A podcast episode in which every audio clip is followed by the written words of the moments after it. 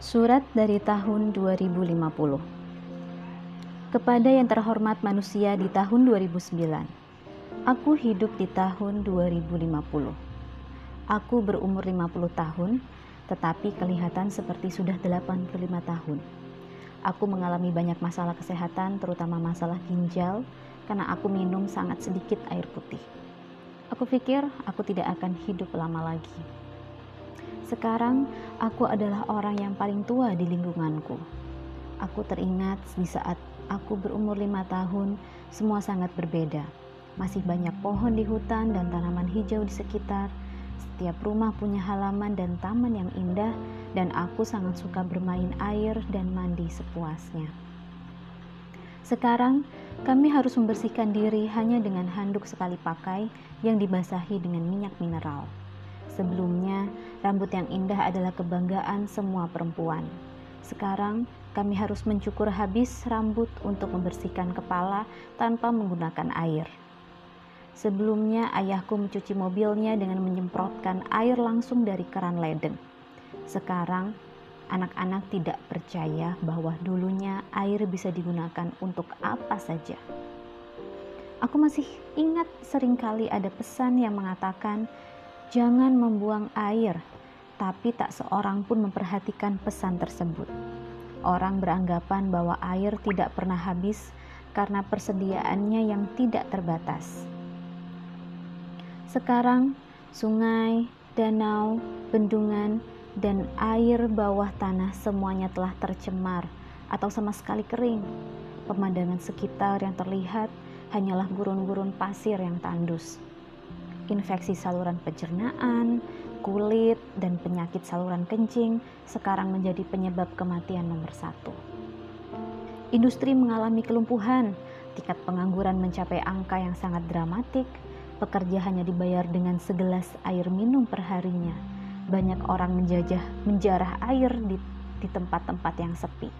80% makanan adalah makanan sintetis.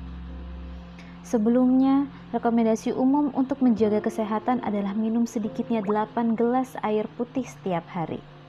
Sekarang, aku hanya bisa minum setengah gelas air setiap hari. Sejak air menjadi barang langka, kami tidak mencuci baju, pakaian bekas pakai langsung dibuang, yang kemudian menambah banyaknya jumlah sampah. Kami menggunakan septic tank untuk buang air seperti pada masa lampau karena tidak ada air. Manusia di zaman kami kelihatan menyedihkan.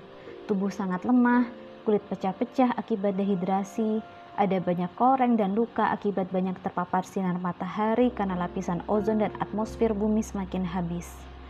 Karena keringnya kulit, perempuan berusia 20 tahun kelihatan seperti telah berumur 40 tahun. Para ilmuwan telah melakukan berbagai investigasi dan penelitian, tetapi tidak menemukan jalan keluar manusia tidak bisa membuat air. Sedikitnya jumlah pepohonan dan tumbuhan hijau membuat ketersediaan oksigen sangat berkurang, yang membuat turunnya kemampuan intelijensi generasi mendatang. Morfologi manusia mengalami perubahan yang menghasilkan atau melahirkan anak-anak dengan berbagai masalah defisiensi, mutasi, dan malformasi. Pemerintah bahkan membuat pajak atas udara yang kami hirup 137 meter kubik per orang per hari. Bagi siapa yang tidak bisa membayar pajak ini akan dikeluarkan dari kawasan ventilasi yang dilengkapi dengan peralatan paru-paru mekanik raksasa bertenaga surya yang menyuplai oksigen. Udara yang tersedia di dalam kawasan ventilasi tidak berkualitas baik, tapi setidaknya menyediakan oksigen untuk bernafas. Umur hidup manusia rata-rata adalah 35 tahun. Beberapa negara yang masih memiliki pulau bervegetasi mempunyai sumber air sendiri. Kawasan ini dijaga dengan ketat oleh pasukan bersenjata. Air menjadi barang yang sangat langka dan berharga, melebihi emas atau permata. Di sini, di tempatku, tidak ada lagi pohon karena sangat jarang turun hujan.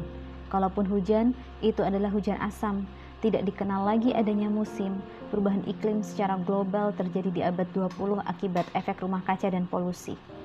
Kami sebelumnya telah diperingatkan bahwa sangat penting untuk menjaga kelestarian alam, tetapi tidak ada yang peduli. pada saat anak perempuanku bertanya bagaimana keadaannya ketika aku masih muda dulu.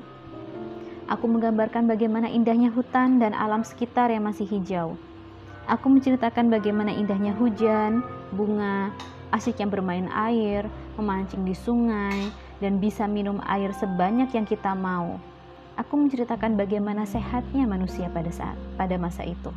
Dia bertanya, "Ayah, mengapa tidak ada air lagi sekarang?" Aku merasa seperti ada yang menyumbat di tenggorokanku. Aku tidak dapat menghilangkan perasaan bersalah karena aku berasal dari generasi yang menghancurkan alam dan lingkungan dengan tidak mengindahkan secara serius pesan-pesan pelestarian. Dan banyak orang lain juga Aku berasal dari generasi yang sebenarnya bisa merubah keadaan, tetapi tidak ada seorang pun yang melakukan. Sekarang, anak dan keturunanku yang harus menerima akibatnya. Sejujurnya, dengan situasi ini, kehidupan di planet bumi tidak akan lama lagi punah, karena kehancuran alam akibat ulah manusia sudah mencapai titik akhir. Aku berharap untuk bisa kembali ke masa lampau dan meyakinkan umat manusia untuk mengerti apa yang akan terjadi pada saat itu masih ada kemungkinan dan waktu bagi kita untuk melakukan upaya menyelamatkan planet bumi ini. Tolong kirim surat ini ke semua teman dan kenalan Anda walaupun hanya berupa pesan. Kesadaran global dan aksi nyata akan pentingnya melestarikan air dan lingkungan harus dimulai dari setiap orang. Persoalan ini adalah serius dan sebagian sudah menjadi hal yang nyata dan terjadi di sekitar kita. Lakukan untuk anak dan keturunanmu kelak.